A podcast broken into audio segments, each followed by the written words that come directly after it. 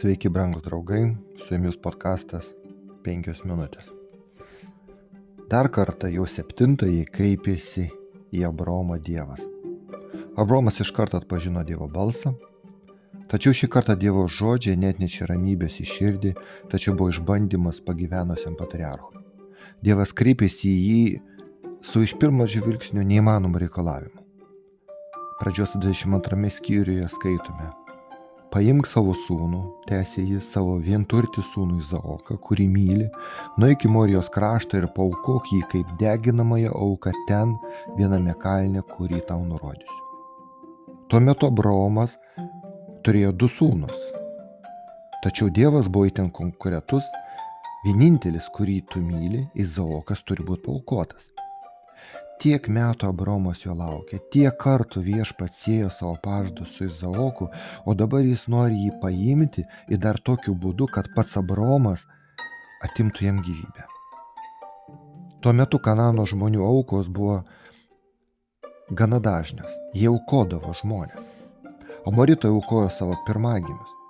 Būtent apie tai kalbėjo viešpats, kalbėdamas apie amoritų nedorybės, kurių mastas dar nėra pripildytas. Vėliau Dievas griežtai uždraudė aukoti žmonės, vadindamas juos berjaurybė. Pakartoto įstatymo 18 skyrius 10 eilutė. Abromas paklūsta. Pakilęs anksti rytą pasibalnojo savo asilą, pasėmė su savimi du tarnus ir savo sūnų Izaoką. Prisiskaldęs malkų deginamai aukai, jis leidosi kelionę į vietą, apie kurią jam buvo kalbėjęs Dievas. Trečią dieną Abromas pakėlė akis ir iš tolo pamatė tą vietą.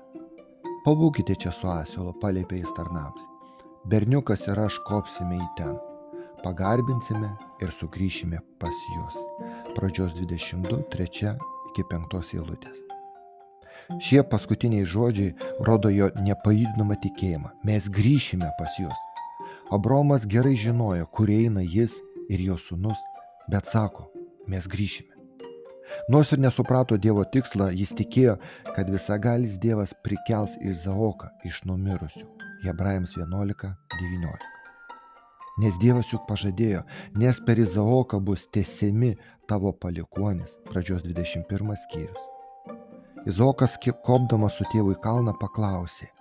Ugnies ir malkų yra, bet kur kevis deginamai aukai? Abromas atsakė, Dievas pats parūpins avį deginamąją aukai, mano sūnau. Ir jie du draugė ėjo toliau.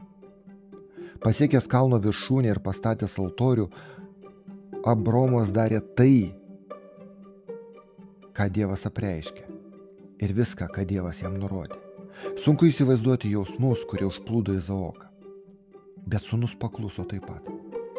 To Izaokas tapo tinkamu ateinančio Dievo sūnaus tipu, paklusdamas savo tėvo valiai. Mato 26-39. Abromas jau buvo pasirengęs atimti savo sūnaus gyvybę, bet Dievo pasiuntinys šaukdamas iš dangaus nutraukė šią auką. Nekelk rankos prieš berniuką, tęsė. Nieko jam nedaryk. Dabar žinau, kad tu bijai Dievo, nes neatsisakėti duoti man savo vienturtį sūnų. Pakėlęs akis Abromas pamatė aviną, ragais įstrigusi krūmį. Abromas priejo, paėmė aviną ir paukojo jį kaip deginamąją auką vietoj savo sūnaus. Pradžios 22 skyrius 12-13. Dievas parūpino vinėlį. Izaokas išgelbėtas nuo mirties dabar tampa visų tų, kuriuos Kristus atpirko iš nuodėmės tipų. Kalnas, ant kurio įvyko šiauka, buvo tik keli šimtai metrų nuo Salemo miesto, kuriame valdė Melchisedekas. Po tūkstančio metų čia ant šio kalno bus rengta Dievo šventykla, kurioje kiekvieną dieną bus aukojamos deginamosios aukos, nurodant į ateinantį išganytoją. Antra metraščių knyga, trečias skyrius, pirmą eilutę. Šiek tiek į vakarus buvo dar vienas kalnas. Tai Kaukolės kalnas mums gerai žinomas kaip Golgota. Čia įvyko didžiausia pergalė visatoje. Pats viešpats atidavė savo gyvybę už mūsų, mano ir tavo nuodėmės. Su jumis buvo podkastas 5 minutės.